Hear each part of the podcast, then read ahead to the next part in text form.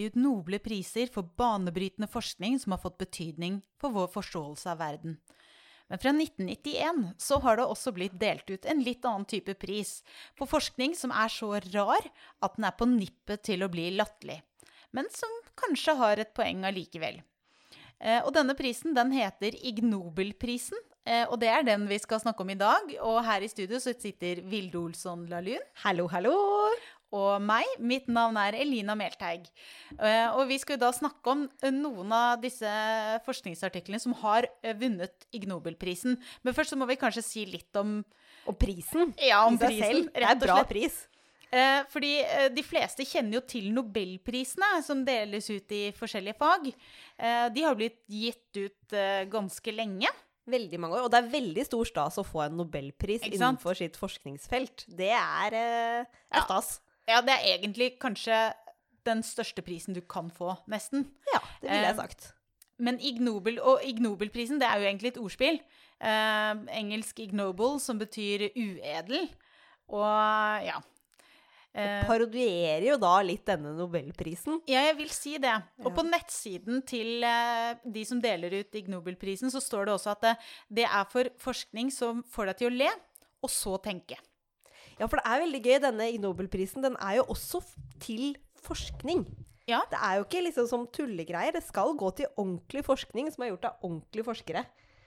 Og, eh, og veldig ofte så er jo dette også eh, Når jeg ser, ser eh, artiklene da, som har vunnet, så tenker jeg også Det første jeg tenker, er litt sånn sånn Er det sant? ja. Og så, og så tenker jeg sånn Det var kanskje ikke så dumt.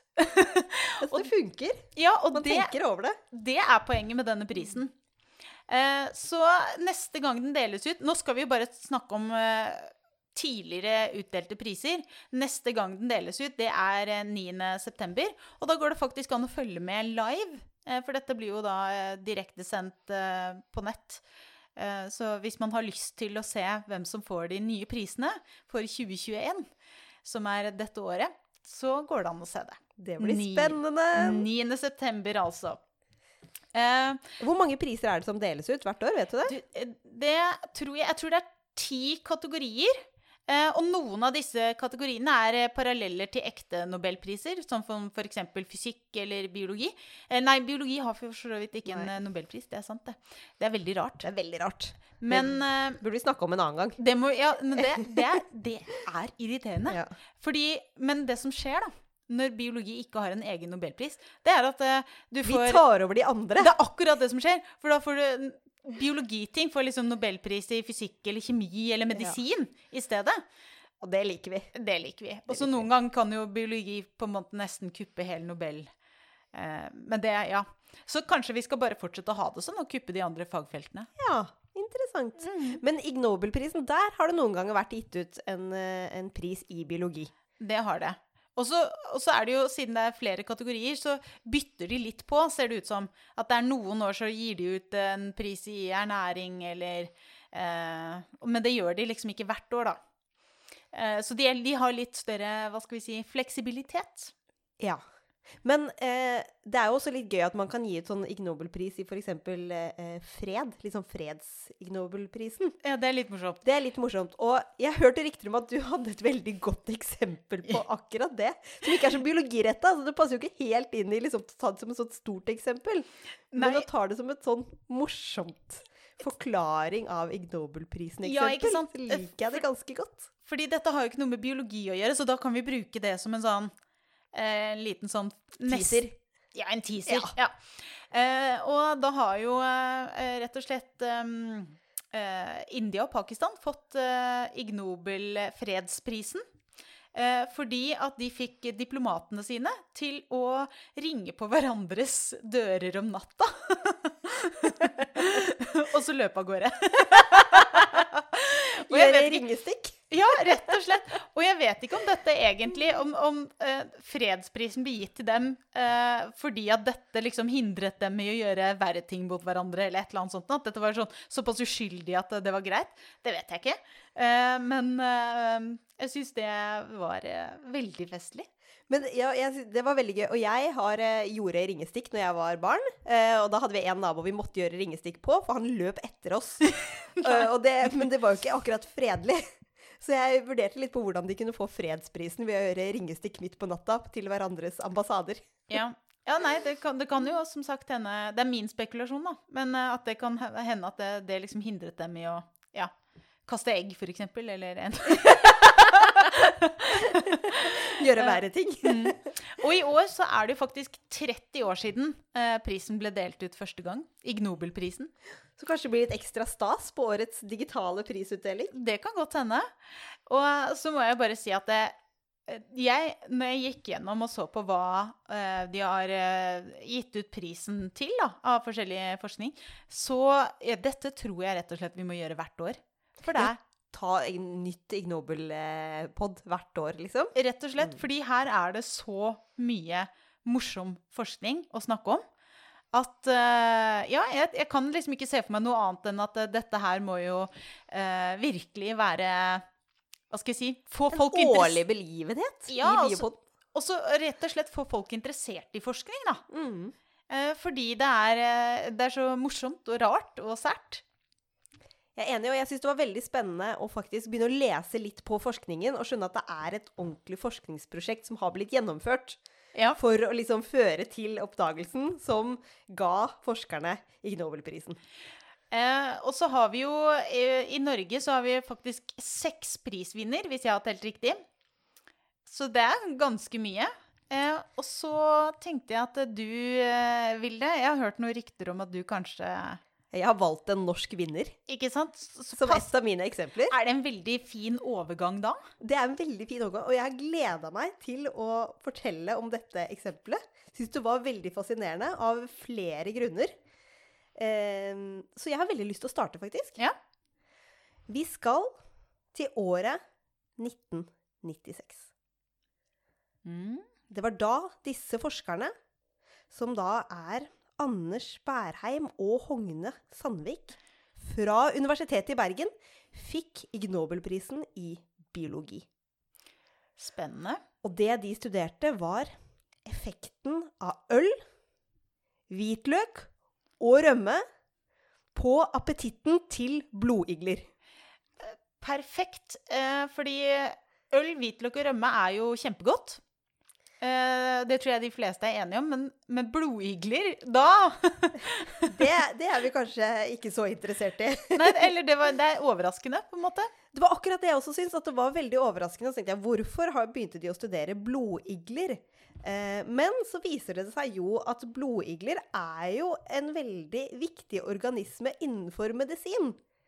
Og det har jo visst litt at dette har blitt brukt for mange mange år siden, sånn på middel... Eller for mange hundre år siden til diverse. For de suger jo da blod, og så fører de til at blodet eh, blir litt mer sånn flytende. At det ikke liksom koagulerer så fort. Eh, så i middelalderen så ble jo da dette brukt til bl.a.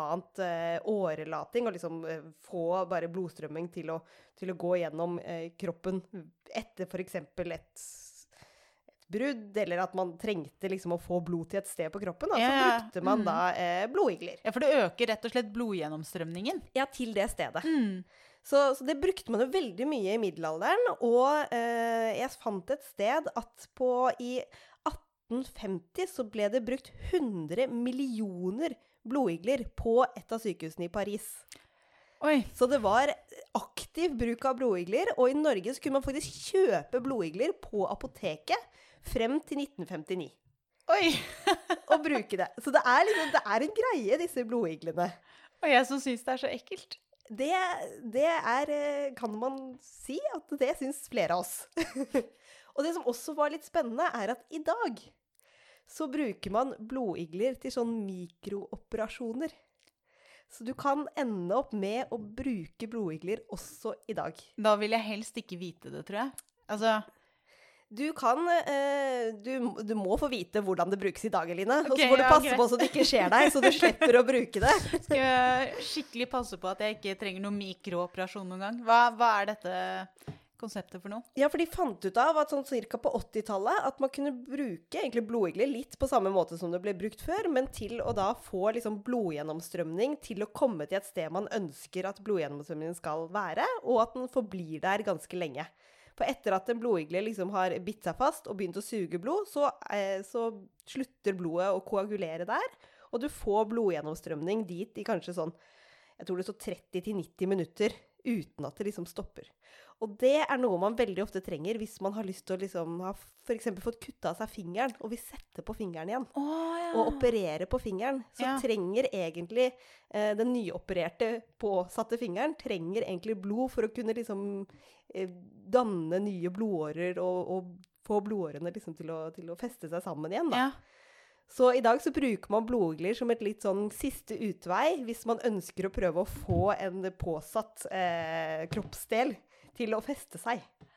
Spennende. Så man har rett og slett på Rikshospitalet, holdt jeg på å si, så er det et lite lager av blodigler fortsatt, sannsynligvis. Ja, det var akkurat det der jeg leste en, en artikkel, at på Rikshospitalet så har de blodigler. Men eh, hvordan kommer rømme, øl og hvitløk inn i dette? Ikke sant? For da må vi skru tiden tilbake til 1990-tallet, hvor disse forskerne da eh, ble interessert i blodugler nettopp fordi man hadde skjønt dette med det mikrooperasjon, og at det kan brukes til det, da. Og så er det sånn gamle ordtak, siden man har brukt blodigler så lenge, så er det litt gamle ordtak på hvordan liksom eh, få blodiglene til å faktisk sette seg fast. For det virker som at blodigler de har jo litt sin egen eh, personlighet, som alle andre. Og noen ganger så liksom suger de seg fast og, og blir der og gjør jobben sin veldig, veldig raskt og bra. Mens andre ganger så, så bare vil de ikke. Ja, kanskje de ikke er sultne? Kanskje de ikke er sultne. Og da er det, har det vært litt sånn gammelt kjerringråd å dyppe dem i øl før du setter de på, eh, på kroppen. Så det er liksom noe man har gjort lenge. Og på 19, jeg tror det var 1920-tallet så var det noen som gjorde litt sånn forskning på at det funka å dyppe dem i rømme, eller gi dem rømme først, før du satte dem på kroppen. Og i tillegg så hadde disse forskerne selv opplevd at blodiglene de begynte å bli veldig rare hvis de var i nærheten av hvitløk. Mm. Så da tenkte de vi skal eh, teste hvordan blodiglene fungerer når de blir utsatt for da øl, hvitløk og rømme. Det er den perfekte fredagsdippmiksen, egentlig. Perfekte fredagsdipp. Men da er det jo sånn, hvordan tester man dette? Det man da gjør, er at man tar noen blodigler. De hadde da seks stykker, som de da fint beskriver her. Eh, og så var det jo en av disse to forfatterne som ble den heldige, hvis vi kan si det sånn. Som måtte ofre uh, armene sine for blodigleforsøket. Så de hadde da seks blodigler, og så behandla de dem på forskjellige måter. De, enten så dyppa de dem i Guinness-øl, eller så dyppa de dem i Hansa-øl. Eller så dyppa de dem i vann, det var kontrollen. Eh, eller så eh, smurte de armen med enten hvitløk eller rømme, eller også bare med vann eh, som kontroll.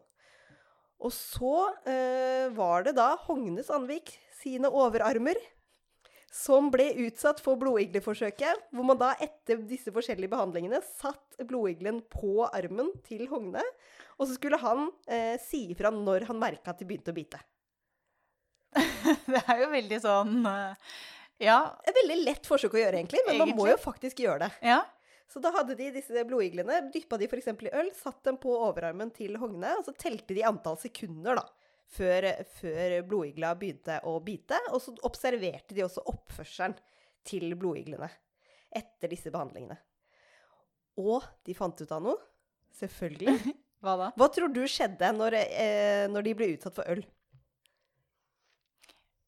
Jeg tenker at de kanskje ble litt sløvere, egentlig. Ja. De endra oppførsel, Ja. som det sto så fint. ja, det skjønner jeg. så det stemmer. Eh, Blodiglene de begynte å liksom svinge litt mer med overkroppen sin. De begynte å miste grepet på armen, og de kunne liksom falle litt over på ryggen når de hadde da blitt utsatt for øl. Og det var ikke noe stor forskjell på de to øltypene. Nei. Og de brukte ca. dobbelt så lang tid på å bite seg fast. Så det var et dårlig råd, rett og slett. dårlig råd. Ja. Veldig dårlig råd med øl. Men det kan jo hende at hvis eh, iglene f.eks. hadde vært spist veldig mye, f.eks., så kunne du forvirre dem med å gi dem øl, sånn at du liksom ødelegger litt av dems eh, Ja. Ja. Men, men til, hvis du har helt friske igler, så var det ikke så lurt å dyppe de i øl, for de ble egentlig Jeg tror jo da de ble fulle. ja. At de fikk i seg litt eh, ting som, de, eh, som gjorde at de ikke oppførte seg som de ville. Så du brukte ca. dobbelt så lang tid på å bite seg fast. Det er det, ikke det man har lyst til å gjøre. Neste forsøk hvitløk. Smørte de da hvitløk på armen, satt blodiglene på, og de begynte med da to igler. Eh, og det viste seg at hvitløksarmen den hadde en veldig, veldig sterk negativ effekt på disse blodiglene.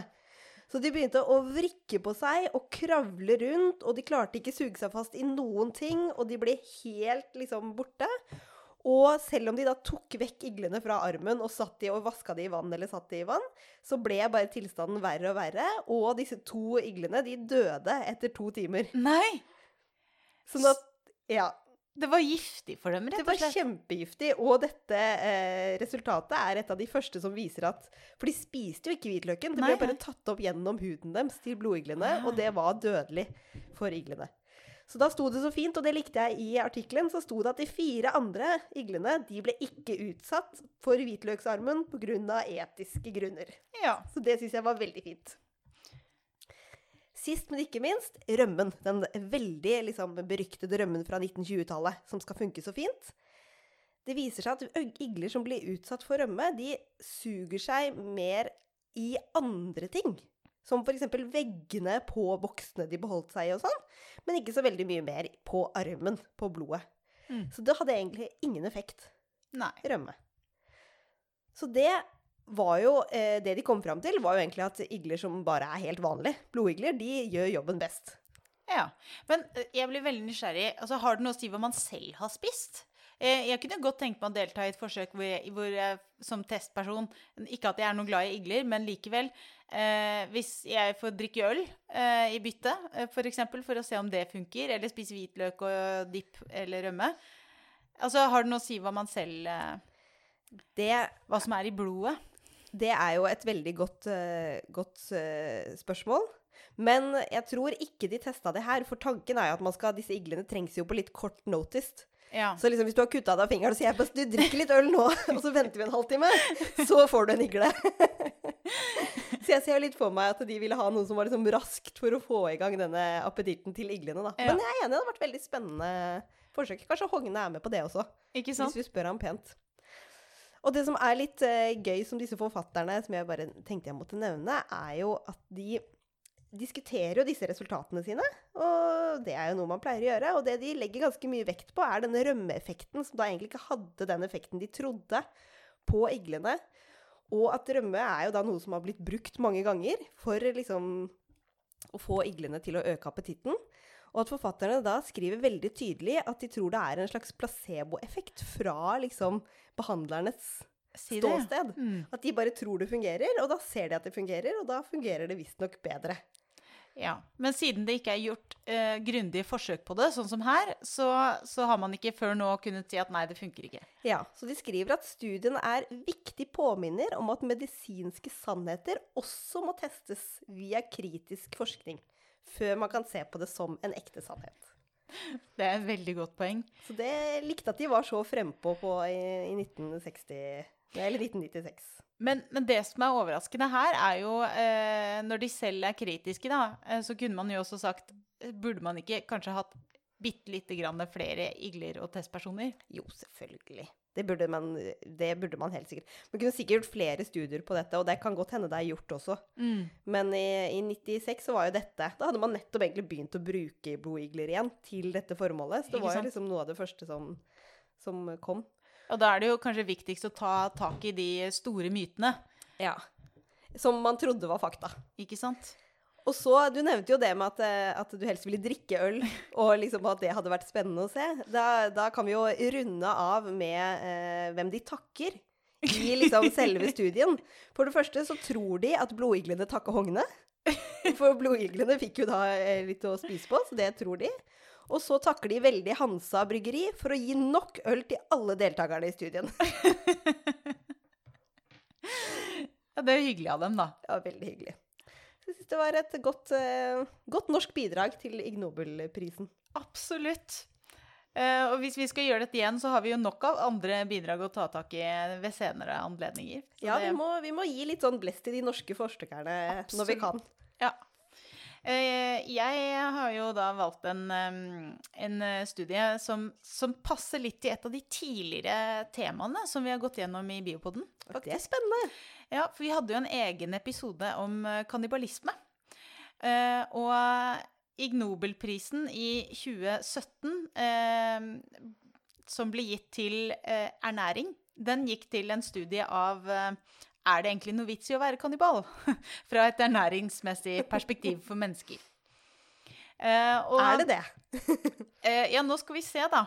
Altså fordi at eh, Her er litt av hypotesen er at er det egentlig liksom så vanvittig mye kjøtt og fett at det liksom er, Lønner seg å spise litt av sine egne. Ja, framfor å ta et byttedyr. Hvis Ja. du kan, på en måte. Så de sammenligner menneske og andre ting vi spiser, da. Ja. Det er akkurat det de har gjort. Og, um, og det er litt eh, fordi at de hadde en, en eh, antagelse om at uh, kannibalisme i steinalderen skjedde fordi det kanskje hadde en ernæringsmessig verdi. Um, og det, den antagelsen har man på en måte hatt en stund uten at man har hatt noe bevis for at menneskekjøtt er et viktig bidrag i ernæringen. Eh, Så det de gjør her, er jo også egentlig å ta tak i en gammel myte. Eh, Og det liker vi jo. Det liker vi. Eh, Så her har de rett og slett gjort et lite estimat da, på kaloriverdien av menneskekjøtt. Og sammenlignet med en del tilsvarende dyr på ca. vår egen størrelse. Um, og det de har kommet fram til, eh, eller antyder i studien, det er at eh, kannibalisme ikke er noe man egentlig utelukkende har gjort pga. sult. da. Em, fordi det, det er ikke så ernæringsmessig gunstig. Så det må være andre grunner til at mennesker spiser mennesker, enn at man er kjempesulten. Det var litt skummelt. Hadde det vært sånn supernæringsmessig, jeg tenkte ja, man må overleve, det er viktig. Men, eh, men nå så tenker jeg, hvorfor spiser man hverandre da? Ja, eh, det kan du si. Altså eh, Først så sier de, skriver de jo at det, eh, det er resultater som tyder på at ulike menneskearter i tidlig, tidlig, tidlig har bedrevet kannibalisme. Altså er, da er det jo før steinalderen, da, for da er det liksom ulike um, menneskeaper. Men ikke alle. Um, og så er det jo en god del merker på beinrestene. Og det er jo det som er utgangspunktet for å kunne si hvorvidt det er kannibalisme eller noe annet. Uh, og dette noe annet uh, kan jo være begravelsesritualer. Så man tygger på, på beina til de døde som et begravelsesrituale? Mm, ikke helt. Uh, men man kanskje mumifiserer eller skjærer av ja, Mm, eh, ja. hud eller sånne ting da, som en del av et begravelsesrituale fremfor å Men det, man vet jo ikke om det blir spist.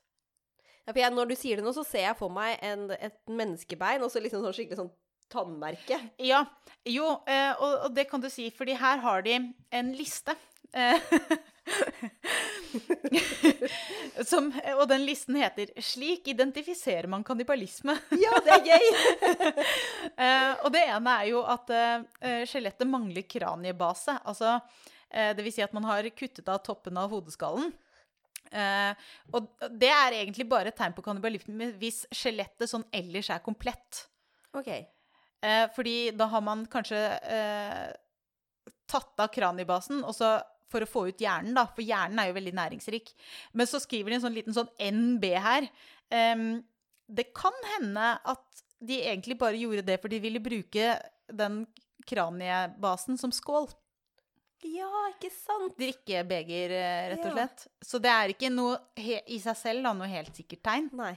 Eh, og det, man kan jo lure på hvor å- ordet skål og engelskordet skull kommer fra. Nei, Elina, nå er du i siget! det var bra. Nå er du i siget. Eh, det er noe der, tenker jeg. Ja, det var kult. Um, men det er én ting. Eh, Det ene er at det mangler eh, ryggmarg eller beinmarg. Altså de har rett og slett Hvis det er eh, lange bein, sånn sånn som lårbeinet f.eks., hvis det er kuttet opp på langs, eh, så er det sånn typisk OK, her har noen prøvd å komme inn i beinmargen. Ja, for det er også næringsrikt. Det er også næringsrikt. Mm. Um, og hvis det er kutte- og huggemerker, uh, og hvis det er um, uh, slaktemerker som tilsvarer sånne merker man finner på dyrerester, altså at liksom kuttene ser li litt like ut, da. Um, eller at det er en eller annen form for prosessering av bein. Altså liksom sånn Dette beinet kan ikke være sånn uten at det har vært i en gryte. Da da er det også en indikasjon på at det, noen har blitt spist. Eh, og så er det hvis beinresten har vært brent. Det er i seg selv heller ikke helt sikkert, for så vidt. Eh, fordi det kan også ha vært et begravelsesrituale. Eh, men så har du også eh, peeling, altså at det, man rett og slett har prøvd å få kjøtt av bein. Em, merker av slag, merker av mennesketenner er et ganske sikkert tegn på at noen ja, for det hadde jeg tenkt at var et godt, uh, godt tegn. Yes. Hvis man leter etter kannibalisme. Uh, og så til sist, da. uh, skrapemerker. Og de aller fleste av disse tegnene er liksom Hvis du har mange av disse sammen, så er jo dette et godt tegn på at her, her har det vært kannibalisme. Um, men hvis de sier at det, hvis det bare er skrapemerker pluss ett av de andre tegnene, da er det egentlig sannsynlig at det er en form for ja, det er kannibalisme, men det er en rituell kannibalisme. Så da er det sannsynligvis at det kanskje ble noe annet. Eh, altså at det var et begravelsesritual eller et eller annet sånt. Framfor at det bare var det ernæringsmessige, da.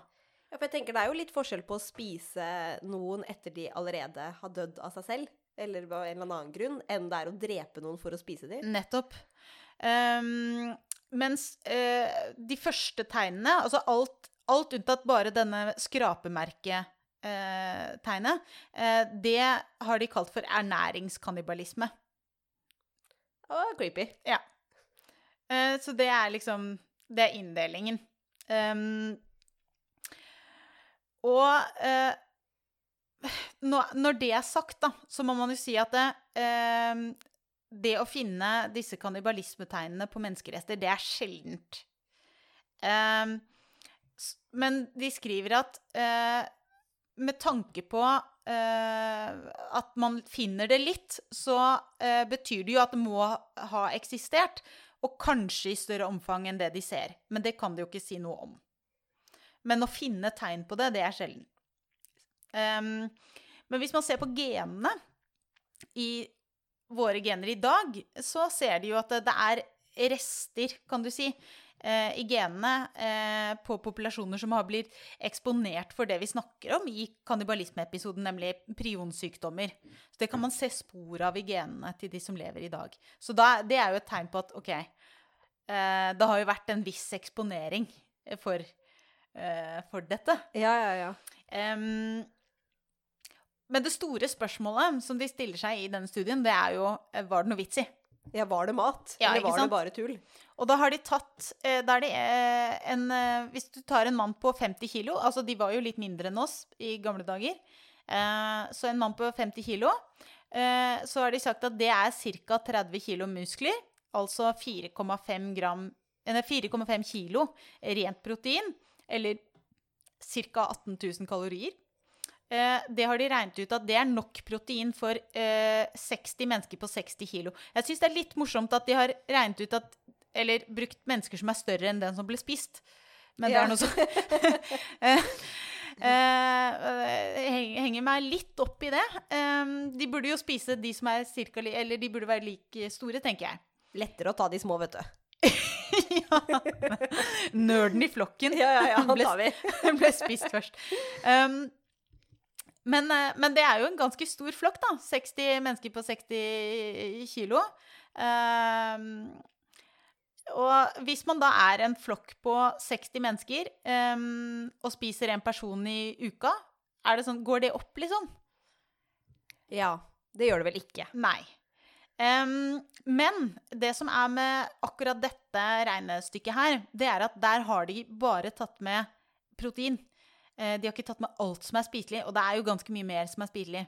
Um, hjernen, for eksempel, som vi sa. Uh, lunger, lever, uh, hjerte, nerveceller, beinmarg. Um, hud, faktisk. Uh, så det er, det er jo mye mer som er spiselig. Mm. Um, så da måtte de jo kanskje se litt på litt andre ting, da. Og så har de det, Jo, en ting som er viktig å si her også, det er at eh, de har tatt utgangspunkt i at kjøttet er rått. Men hvis man koker det, så frigir det flere kalorier. Sånn at hvis det er eh, stekt eller eh, kokt eller et eller annet sånt noe, så, så er det jo mer ernæringsmessig gunstig, da. En, Ja. ja. Men det gjelder vel for andre typer kjøtt også? Det gjør det. Så så lenge du Mm. på en måte har eh, tunga rett i munnen, eh, bokstavelig talt, og, og sammenligner rått kjøtt med rått kjøtt, Ja. så går det jo bra. Og hvis du også sammenligner på en måte proteininnhold og proteininnhold, så går det jo også egentlig bra. Mm. Em, så em, har de jo da eh, Det som liksom er hovedkonklusjonen her, da, til slutt, eh, hvor de har laget en oversikt. Og av en eller annen pussig grunn så har de tatt en gruppe på 25 menn, ca. steinalderstørrelse. Em, eh, ikke noe kvinner og barn. Eh, antagelig fordi det er mye lettere å holde det utenom, fordi de har andre ernæringsmessige behov. De har tatt eh, 25 menn, og så har de sett på eh, hvor lenge kan en gruppe på 25 menn leve på ett enkelt bytte. Ja. Eh, og da kommer mennesket kommer veldig dårlig ut i den eh, sammenligningen. Det er 0,34 dager. Altså en Eh, halv dag? Ikke sant? Det er ikke veldig lenge. Eh, og det stemmer veldig dårlig overens med eh, det de sa innledningsvis, med at en gruppe på 60 mennesker Men da har de en gruppe på 60 mennesker som da eh, på 60 kilo eh, kan spise én mann. Eh, det var jo det de liksom starta med litt sånn innledningsvis. Så de, de har noen litt sånn rare regnestykker midt oppi dette. Som jeg ikke kommer helt til, til bunns i. Og hvis man da sammenligner men, men hvis man da sammenligner med f.eks. en mammut, så kan man leve i en måned. Over en måned. Ja. Men hvis, eh, sammenligner man noe av ca. vår størrelse? Gris, for eksempel? De har en eh, lang liste med andre ting også, og funnet ut at eh, mennesket er jo en av de tingene hvor man kommer dårligst ut, da. Men det er antagelig fordi de igjen eh, har slitt med ernæringssammensetningen. Eh, og det er litt sånn etiske grunner til det. Eh, fordi det er ikke så lett å eh, få lov til å forske på ernæringssammensetningen av et menneske. Så alt, eh, alt de menneskebaserte analysene, det er antagelser. Altså Ja. cirka så mye fett, cirka så mye muskler, eh, cirka så mye lever. Mens hvis du tar et rådyr, da, så kan du liksom faktisk finne ut hvor mye eksakt, da, hvor mye kalorier det er. Eh, og hvor, hvor lenge man kan leve på akkurat det byttet. Mens for mennesker så er det litt mer sånn Ja, vi må gjøre en antakelse. Og det er ikke lett å få frivillige mennesker til det forsøket. Nei, det er det ikke. Og så er det noe med at um, hvis du sammenligner nåtidsmennesker og steinaldermennesker, det er ikke så veldig lett, fordi vi, vi vet ikke eksakt hvordan deres sammensetning var med muskler og fett. Eh, så det er også en antagelse. Mens eh, nåtidsmennesker er antagelig litt mer fett. Ja, det jeg hadde jo Eh, gjetta på det. Så det er, ikke, det, er ikke, det, det er rett og slett litt vanskelig å gjøre en god eh, analyse av det. Eh, og som de selv skriver, og nå skal jeg lese på engelsk Given the nature of this study, it was not possible to conduct analysis on cooked human flesh. De måtte jo Ja, ta rått kjøtt, ja. Ja. ja. Eh, de måtte jo rett og slett si det, at Ja. det fikk vi ikke til. Eh, så konklusjonen deres ble til slutt at det er nok, de var nok kannibaler av mange grunner, og trolig opportunister, men det er ikke så veldig sannsynlig at mennesker var førstevalg på menyen. Nei. Ja, altså de prøvde seg på, eh, på mest sannsynlig på å jakte og spise det istedenfor å spise hverandre. Ja. Helt til det, man ikke hadde noe mer valg. Ikke sant? Og, og at eh, mye av den kannibalismen som de finner tegn på, da, den var nok i større grad eh, liksom litt mer rituell. At det er sånn eh, Hvis du vinner en krig, eksempel, og så har du drept masse fiender i den krigen, så kanskje du spiser dem. ja, for da er kjøttet der allerede, og det er lett tilgjengelig. Og, Pluss at du viser at du liksom dominerer dem, da. Ja. Eh, og skaper frykt hos fienden ved å si 'Å, men de spiser oss'. Altså, det er eh, ja, jeg hadde blitt redd. Ja, ja, jeg, altså Det er jo eh, Det er jo Man er jo redd for kannibaler, liksom. Det er jo eh, eh, Men sannsynligvis så Og, og det, så det funka jo. Skape, for å skape frykt, Ja. mener jeg. Um, og, og rituell kannibalisme kan jo også ha vært sånn begravelsesritual-type uh, Nå hjelper vi bestemor videre i verden. Um, Og bestemor hjelper oss her. ja, ikke sant? um, så, så de peker på at dette, det var mer sannsynlig. Eh, og, men nå De hadde jo veldig mange flere arter i den oversikten, hvor de liksom så på hvor mange dager kan 25 menn overleve på en gitt eh, mengde mat. Eh, men Og som sagt, mennesker kom veldig dårlig ut i den oversikten, men det er en del ting som er litt sånn Dette har ikke vært så lett å regne ut. Nei. Nei, det, ja, det skjønner jeg. Så ja, jeg tar den litt med en klype salt, men jeg syns det var eh, interessant. Det var spennende, og det er fint å vite at uh, mennesker burde ikke være vårt førstevalg. ja. Nå har vi det bevist faglig. ja. Men jeg, du, ditt eksempel, Elina, det er jo liksom sånn Vi skal langt tilbake i tid, folk dør. Mm. Mens jeg Det er har makabert. Det er makabert, ja. Eh, mens mitt neste eksempel har liksom noe med eh, medisin å gjøre. At man kan redde folk i Ja, er litt- verden. Litt hyggeligere. Så litt hyggeligere.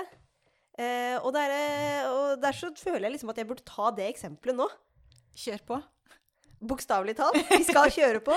For dette er en studie hvor de har sett på om man kan diagnostisere at noen har blindtarmbetennelse ved å se på hvor vondt de har det når du kjører over en fartsdump.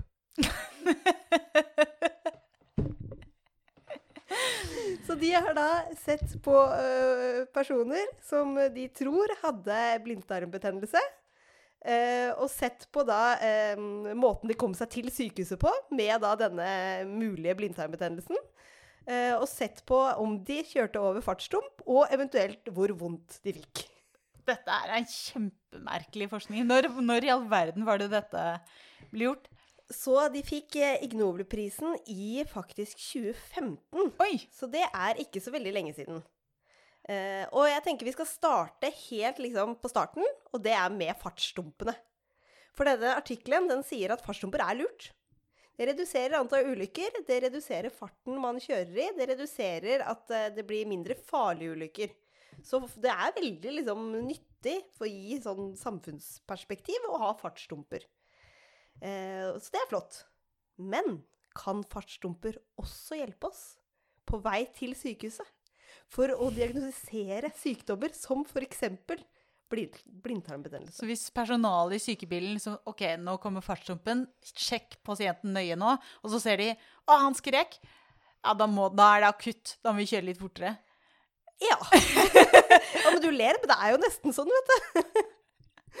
Så det var det de gjorde. Og liksom alt dette, eller forskningen, bunner ned i egentlig at leger, mange leger på forskjellige sykehus, har hatt det som vane å spørre om eh, det var vondt å kjøre til sykehuset, og eventuelt liksom om det var mer eller mindre vondt når du kjørte opp en fortauskant, eller Så det har egentlig vært en ting som mange leger allerede bare har gjort.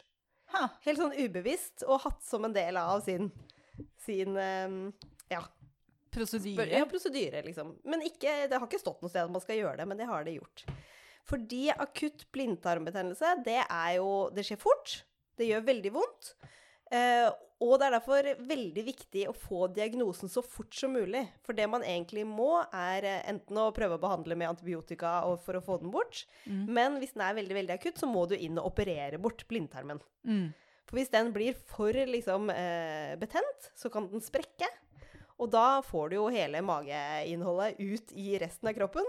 Og kan da eh, få selvfølgelig alt blodforgiftning og Ja, det blir en veldig, veldig, veldig alvorlig eh, ting, da. Med en gang den blindtarmen sprekker. Så med en gang man tror at det er akutt blindtarmbetennelse, så opererer man bort blindtarmen. Og det er sikkert mange som har gjort, og mange som har opplevd, for det er liksom det man gjør. Eh, Det er derfor også veldig viktig å få diagnosen så fort som mulig, så man vet at det er det det er. Og, em, og da få satt i gang operasjonen, da. Og så I tillegg nå så er det sånn at det er mange ganger så tror man at det er blindtarmbetennelse, og så opererer man, og så var det egentlig ikke det. For Man tar liksom sjansen en gang for mye enn en gang for lite fordi det er så alvorlig hvis blindtarmen skulle sprekke. Det skjønner jeg egentlig. Ja, ja det skjønner jeg. Eh, så det er, liksom, det er egentlig ganske viktig å få denne diagnosen så tidlig som mulig. Og sist, men ikke minst, er den veldig vanskelig å diagnostisere. For det gjør bare veldig vondt. Og så er det veldig uspesifikt hvor vondt det er, og hvor egentlig pasienten føler vondt. Så det er ikke så lett å si det er det. Det kan være noe annet. Så det er en litt sånn tricky sykdom å holde på med, da. Så disse eh, har da eh, forskerne eh, har da funnet ut at de skulle prøve Kan fartsdumper, i tillegg til å redde liv ved å sakte farten til bilene, hjelpe med diagnosen av akutt blindtarmbetennelse? Så det var pasienter på et sykehus i eh, UK, eh, Buckinghamshire sykehus. Og dette var pasienter som f.eks. hadde ringt inn på forhånd og liksom sagt eh, hvor vondt de hadde, eller vært hos fastlegen sin, eller et eller annet sånt, og fått liksom mistanke om at det var akutt blindtarmbetennelse som de hadde. Eh, så er, de er allerede i den gruppa at det kan være det. Eh, og så tok forskerne og lagde et spørreskjema som alle disse pasientene da fikk når de kom på sykehuset eh, og hadde blitt behandla, men når de da kom på sykehuset. Og det spørreskjemaet hadde egentlig bare fire spørsmål. Det spurte om hvordan kom de seg til sykehuset. Og så eh, ble det spurt om eh, hvis de hadde kommet med bil eh, eller ambulanse, om de hadde huska at de hadde kjørt over noen fartsdumper. Om de hadde hatt vondt på selve liksom, transporten. Og om eh, hvor vondt de hadde det, hadde endra seg når de hadde kjørt over en fartsdump. Og Basert på disse spørsmålene så delte de inn alle pasientene inn i det de kaller for fartsdump-positive. og de som da var fartsdump-positive, de hadde hatt vondt eh, og hadde fått vondere når de da hadde kjørt over en fartsdump. Nettopp. De som var fartsdump-negative, de hadde da ikke eh, fått vondere når de hadde kjørt over en fartsdump, eller de huska ikke om de hadde kjørt over en fartsdump eller ikke. I tillegg så var det jo litt sånn at de måtte finne ut har disse pasientene faktisk akutt blindtarmbetennelse. For det er kanskje litt uh... Litt viktig i denne Ja. sammenhengen. Så alle pasientene, de, eh, de eh, fulgte man opp og så hvilken, hvilken diagnose de fikk, da. Og det var pasienter som da ble sendt i operasjon, og som ved operasjon fikk påvist akutt blindtarmbetennelse, som liksom ble med videre i studien. mm. Og av de 101 så var det 64 pasienter. Ja. Og av de 64 pasientene så var det 54 av de som var fartsdump-positive. Så det var egentlig en betydelig andel, da. Det var en betydelig andel. Det viste seg at det var eh, et, faktisk et utrolig godt estimat på at de som hadde fått mer vondt over fartsdumpene, de eh, hadde også akutt blindtarmbetennelse. Ja. Og av de eh, ca. ti da, som faktisk hadde vondt, eh, men som ikke hadde akutt blindtarmbetennelse, de hadde veldig ofte noe annet som liksom ligner sånn sprengte eggstokker, eller liksom noe som også ja. er sånn utrolig, utrolig vondt, da, og som også egentlig trenger eh, operasjon og behandling ganske, ganske raskt. Så eh, de fant jo da egentlig ut av denne studien at det er nyttig å spørre allerede på veien om egentlig man har vondt når man f.eks. kjører over en fartsdump Mm. eller ikke. Og det kan være nyttig å ha en liten fartsdump rett foran sykehuset, bare sånn for å teste. Når du liksom snur deg rundt. Med mindre det gjør at du, du uh, har Hvis du har hjerteinfarkt og ligger i ambulanten, kommer litt saktere fram, da. Det Det er, det er veldig sant. Det er veldig sant. Nei, men det var eh, Så de har liksom tatt med, tatt med alle disse faktorene og funnet ut at, eh, at man kan bruke fartsdumper til dette. Og når de sammenligner egentlig eh, de resultatene de har her, i følge til liksom hvor sensitivt det er, og hvor spesifikt det er, så eh, er det veldig eh, sammenlignbart med andre ting man gjør for å finne ut om folk har blindtarmbetennelse eller ikke. Typ klemme et sted og spørre om det gjør vondt der. Ikke sant? Der er det litt, litt samme eh, mengdeforhold i de som da blir, få påvist blindtarmbetennelse, da. Så, så fartsdumpene fungerer rett og slett som en veldig greit eh, diagnosekriterium? Ja, i forhold til de andre. Og så skal man jo si at ingen av diagnosekriteriene er veldig bra for blindtarmbetennelse, men dette er like bra som de andre som de faktisk bruker. Og det får man jo helt gratis, bare ved å liksom kjøre over en fartsdump, snu seg litt om og spørre eh, hvor vondt var dette egentlig. Så det, eh, det var jo et veldig sånn konkret, eh, konkret svar. Jeg tenker det, eh, Jeg likte den studien veldig godt, jeg. Fordi det viser så tydelig at sånne små ting kan ha mye å si. Og, men at de trengs jo faktisk å undersøkes, da. For å si noe om ja, Kan dette brukes, faktisk? Det er, ja, det er veldig, det er veldig sant. Egentlig generelt. Dette liker jeg veldig godt med eh, Ig Nobelprisen. For det er jo veldig nyttig forskning, men sånn i utgangspunktet tenker, du, tenker man jo, når man ser overskriften Nei. Dette var teit. Ja. ja, ja. Og så, og så leser du artikkelen, og så tenker du dette her var ganske smart. ja. Og de har et veldig sånn på slutten, når de da diskuterer resultatene sine, så sier de veldig tydelig at liksom økt smerte har, eh, over fartsdump det er, korrelerer med økt sjanse for at du har blindtarmbetennelse.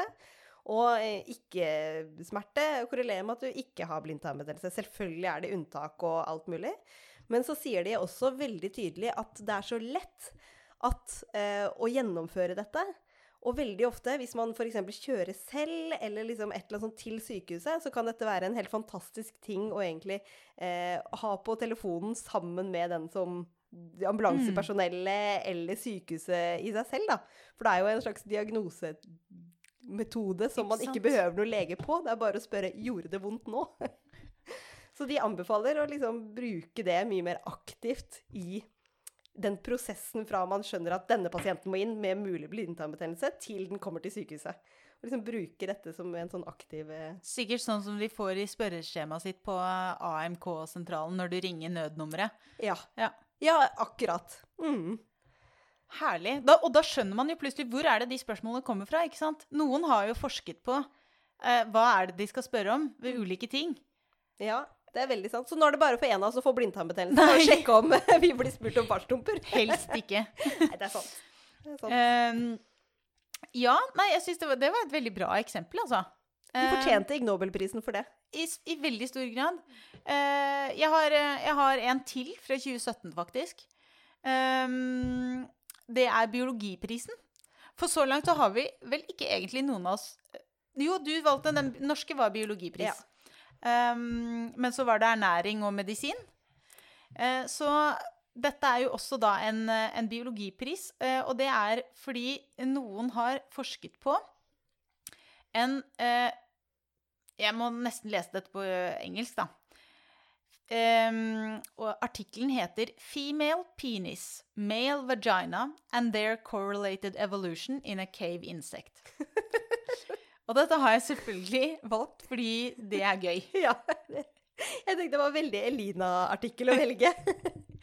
Ja, men det er jo Altså, jeg ble jo veldig nysgjerrig, da. OK, så her har et, det er et huleinsekt av, eh, på en måte avsondret fra resten av verden, eh, som har fått utvikle seg, eh, evolusjonen har fått virke i fred og ro. Eh, og så har det dukket opp en eh, penis hos hundinsektet, eh, og en tilsvarende innovertiss hos hannen. Og det må man jo Det er- ble jeg jo veldig nysgjerrig på. Hvordan har dette skjedd? Eh, hvordan er dette mulig? Eh, og da Og hvordan fungerer det? Ikke sant? Eh, ja, og det er kjempegøy, for det har de også beskrevet i detalj. fortell, fortell! Um, men en av, en av tingene som de peker på her, er jo det at det, det er sånn i evolusjon at fordi det er så mye lettere å lage sædceller i et stort antall enn eggceller, så betyr det at når du har et stort antall, eh, så er det lettere for evolusjonen å virke. Altså, for det, er jo større utvalg, rett og slett. Eh, så evolusjon virker liksom litt rett, lettere på hanner enn på hunder. Så de tenker at eh, ok, det kan kanskje ha begynt med hannene, da. På en eller annen måte.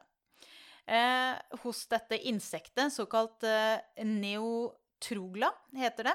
Eh, det er fire arter i denne slekten, og de bor i en hule i Brasil. Eh, hvor de lever av eh, flaggermusbæsj og døde flaggermuser.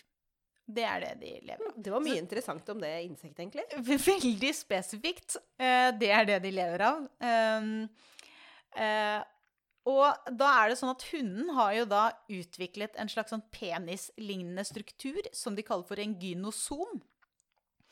Og disse strukturene, disse penisene, de er artsspesifikke, så en hund kan ikke eh, pare seg med en av de tre andre artene da, i denne insektslekten hvor dette har oppstått. Så hun må holde seg til sin hann.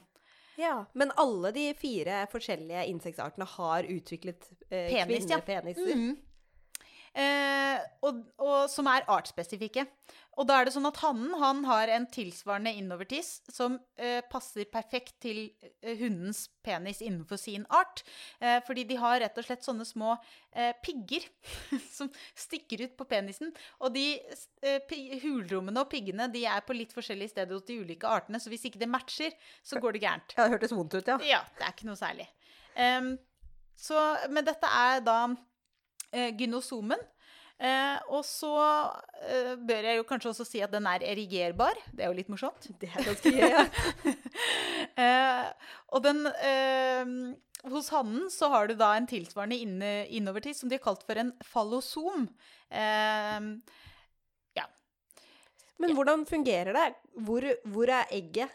Egget er hos hunden, eh, og da er det litt morsomt, fordi eh, dette fungerer ved at eh, hunden blåser opp sin eh, gynosom eh, i hannen, og da kommer disse piggene ut.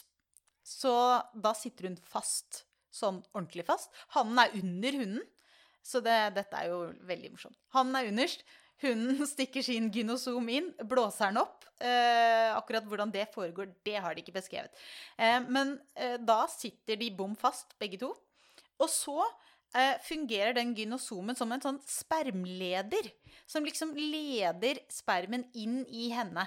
Og, og eh, dette har vi snakket om i middeepisoden, men hun har rett og slett en eh, spermoteka, altså mm, en spermlagringsenhet hos seg, så hun kan ta vare på stæsjet.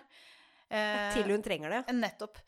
Og eh, det som er litt eh, morsomt, det er jo det at eh, eh, hunden fordi det ble jo nevnt i starten, hvordan kan egentlig dette skje? Og det er litt fordi at hunden trenger mer sperm enn hun er- faktisk bruker til befruktning. For hun begynner ikke å produsere modne egg før hun faktisk har fått i seg sperm som hun bruker Kan lagre. ja, som hun rett og slett bruker som energi da, til å modne eggene. Og det var lurt! Kjempesmart. Så hannen er nødt til å donere litt av sitt eh, for å sette i gang eggprosessen hos hunden, da. Eh, og fordi at du må ha sperm for å produsere egg, altså hun rett og slett hun lever av spermen, da. Det kan du nesten si. Så har hunden et harem av hanner. Er det sant? Så det er i denne, hos dette insektet så har hundene et lite harem av hanner som både leverer sperm til eggmodningsprosessen og til befruktning. Nei, det var gøy. Dette er veldig morsomt. Men ikke nok med det. Eh, fordi eh, jeg nevnte jo det at hun sitter ordentlig godt fast. Mm. Forskerne prøvde jo eh, da Dette er kanskje ikke helt etisk, men de prøvde å dra dem fra hverandre for å Nei. se liksom hvor godt sitter hun fast. Å nei, hva skjer da? Og da brakk hannen. Så, så det bare viser at dette kjønnsorganet er, det har et kjempegrep. Eh, Ja, det det er ikke, fast, ja. ikke mulig å stikke av fra den prosessen. Hun er dominerende, Rett for å si det sånn. Og ikke nok med det, men denne paringen tar 41 til 73 timer. Så det tar kjempelang tid. Hvor de bare sitter og liksom eh, Denne spermen blir jo overført da tydeligvis ganske sakte. Eller jeg vet ikke om det, om det skjer hele veien, men eh, de er i hvert fall koblet sammen ganske lenge. Eh, og dette vet de fra å ha observert hele tolv paringer på lab. Så noen har sittet og fulgt med. Ehm, og sett på hva, hva som skjer underveis. Um, og det er jo nettopp det, da, at um, fordi uh, hundene konkurrerer om å ha flest mulig hanner, at de mener at det, det, at det er det som har gjort at dette har skjedd. At det er liksom på en eller annen måte så har det vært en fordel for hunden å kunne liksom ha en sånn penisstruktur som hun kan føre inn i hannen og liksom røve til seg. Og holde han fast, Ja, liksom, og ja. få godsakene. Ja. Uh, og at hundene seg imellom konkurrerer om å ha disse hanneharemene. da. At det er det som har skjedd, at, det, at hun har utviklet en penis. Jeg syns det er litt Den er litt tynn. Eh, jeg skulle gjerne likt å vite mer og liksom sett noen sånn sammenlignbare insekter. Og, men greia er at det er ikke så veldig mange andre arter hvor man har en kvinnelig penis Og et harem. og et harem. Så du har ikke egentlig noe godt sammenligningsgrunnlag her, da. Eh, så vidt jeg vet, så er det egentlig bare denne ene. Det kan hende jeg tar feil, men det, det er disse fire insektene som eh, er relativt like, bortsett fra penis, penisene og Eller eh, eh, gynosomene og fallosomene. Ja. Det var et veldig morsomt eksempel. Ja, det er Og det, det er ikke så veldig mye mer enn det. Altså, det, det er jo, dette er jo egentlig bare en beskrivelse av hvordan det foregår, og så en hypotese om at det er fordi øh, Hannene har rett og slett De produserer mer sperm, så det er konkurranse Konkurransen virker mer på dem. Men eh, av at eh, det er hundene som konkurrerer egentlig om å ha hannene, fordi de bruker sperm til mer enn bare befruktning, så er det en fordel å ha mange hanner. At, at det på en eller annen måte påvirket denne utviklingen. Og så sier du jo mye om evolusjon, liksom, hvor, hvor er verden tar oss. Ja, Det er jo kjempefascinerende. så du, hundene utvikler rett og slett et lite sånn spermrøvingsorgan. Ja. Hvem skulle ikke hatt det? Ja, da tror jeg vi går videre Til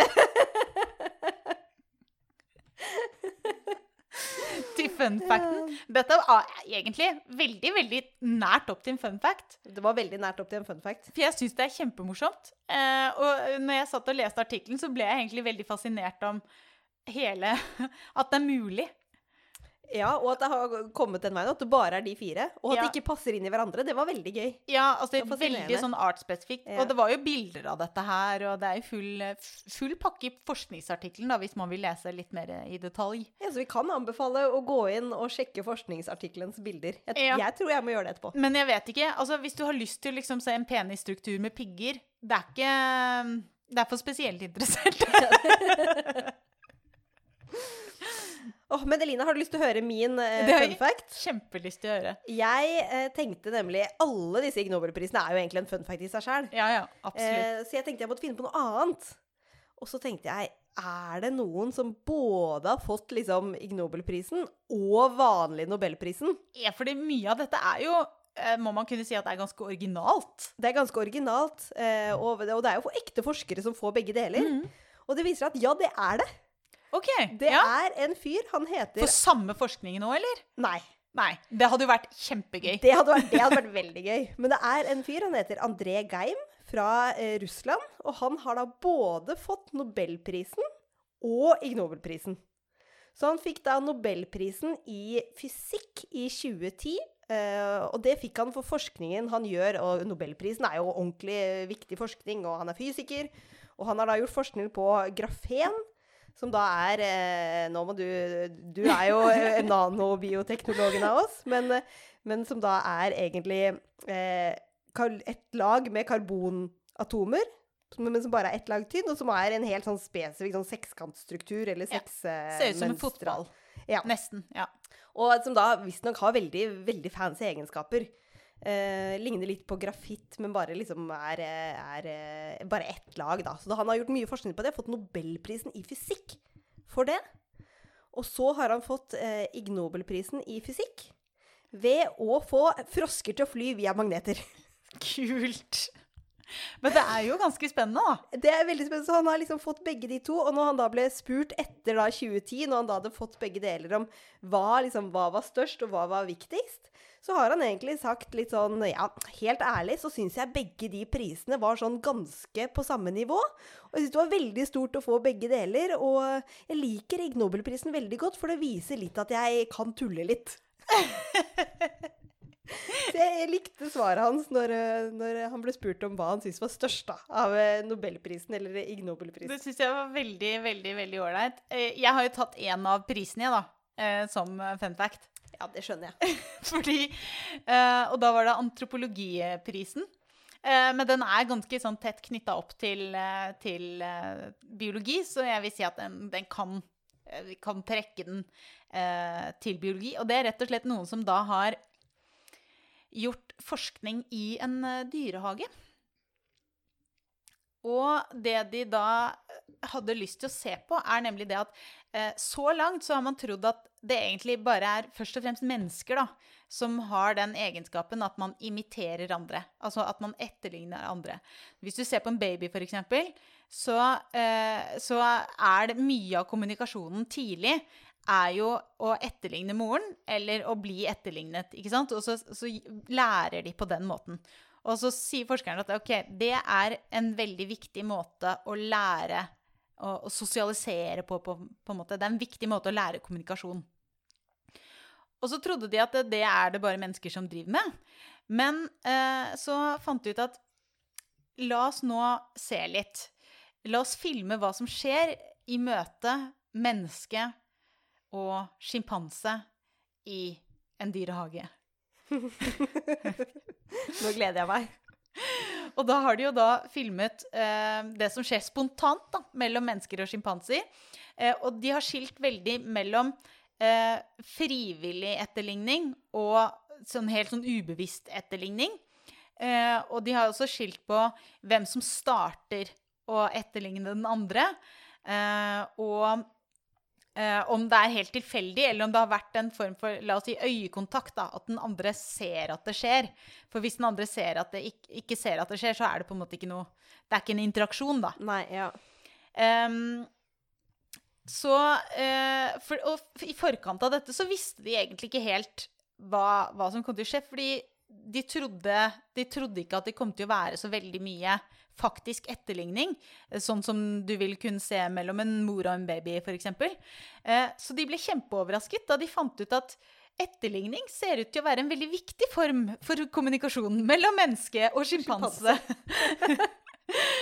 uh, og det jeg uh, syns er gøy her, uh, er at noe av det forskerne ser at mennesker og aper etterligner mest hos hverandre, det er f.eks. å presse leppene mot glasset. Eller å presse hånda mot glasset, og det tror jeg kanskje faktisk at jeg har gjort selv. Ja. eller å klappe, vinke eller klø seg. Um, og så har de også kommet med et eksempel som, som menneskene gjør, men som apene ikke etterligner. Uh, og det er å suge på tommelen. Det er litt morsomt. Ja. At det var også noen, noen fordi da, da, hadde jo kartlagt interaksjoner som menneskene setter i gang i håp om å kanskje få noe til å skje, og så skjer det ikke. Så det var ikke alle atferdene som ble etterlignet, heller. Men det var veldig mye altså, sånn type ja, klappe, vinke, presse hånda mot glasset, som, som på en måte var en sånn eh, felles etterligning da, som kunne skje både ved at menneskene gjorde som sjimpansene, eller motsatt. Og, og, nå ser jeg for meg selv, meg som ti år i en dyrehage, og så kommer en sjimpanse og tar hånda på glasset. Jeg ville jo gjort det. Ja, selvfølgelig vil du ta den mot den. Ja. Det er jo helt uh... Men det som er minst like viktig, er jo ikke Det er ikke bare det at vi etterligner apekattene eh, eller sjimpansene, da.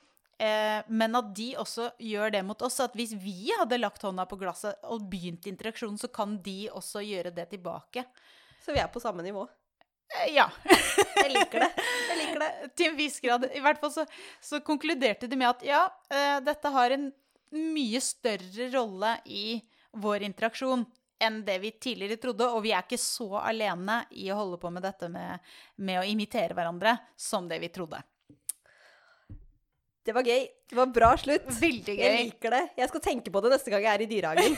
Alle, det er så mye snakk om å dra til uh, dyrehagen i Kristiansand. Da kan man tenke på det når man ser sjimpansene. Ikke sant? Alle som drar på sånn norgesferie. Uh, ferie. Mm.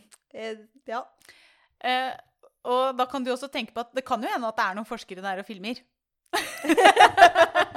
Dette ble for øvrig gjort i en dyrehage i, i Sverige, hvis jeg ikke husker helt feil. Eh, så ja, muligheten eh, er der. Skal vi si at eh, det var det, og takke for oss for i dag? Det tror jeg nesten vi må. Så vil jeg bare minne om at det er jo bare å sende oss en e-post hvis du har noe inspirasjon eller eh, forslag eller et eller annet. Eller du kan også gjerne egentlig skrive til Norsk biologforening på Facebook. Eh, sjekke ut hva som skjer der. Og så er det jo bare å si eh, lik og del, og så høres vi. Ha det bra. Ha det.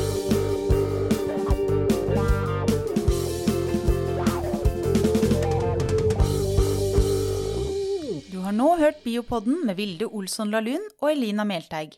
Og med på laget har vi også Torborg Galtland, daglig leder i Norsk biologforening. Musikken du hørte, er laget av biologibandet Overgump, som består av Even Sletteng Garvang, Markus Fjelle, Erik Møller, Mathias Kirkeby og Audun Rugstad. Fortell gjerne om podkasten til venner og kjente, og gi oss tips og tilbakemeldinger på e-posten biopodden alfakrøllbio.no. Og så er du hjertelig velkommen til å støtte oss ved å bli medlem av Norsk biologforening. Vi høres.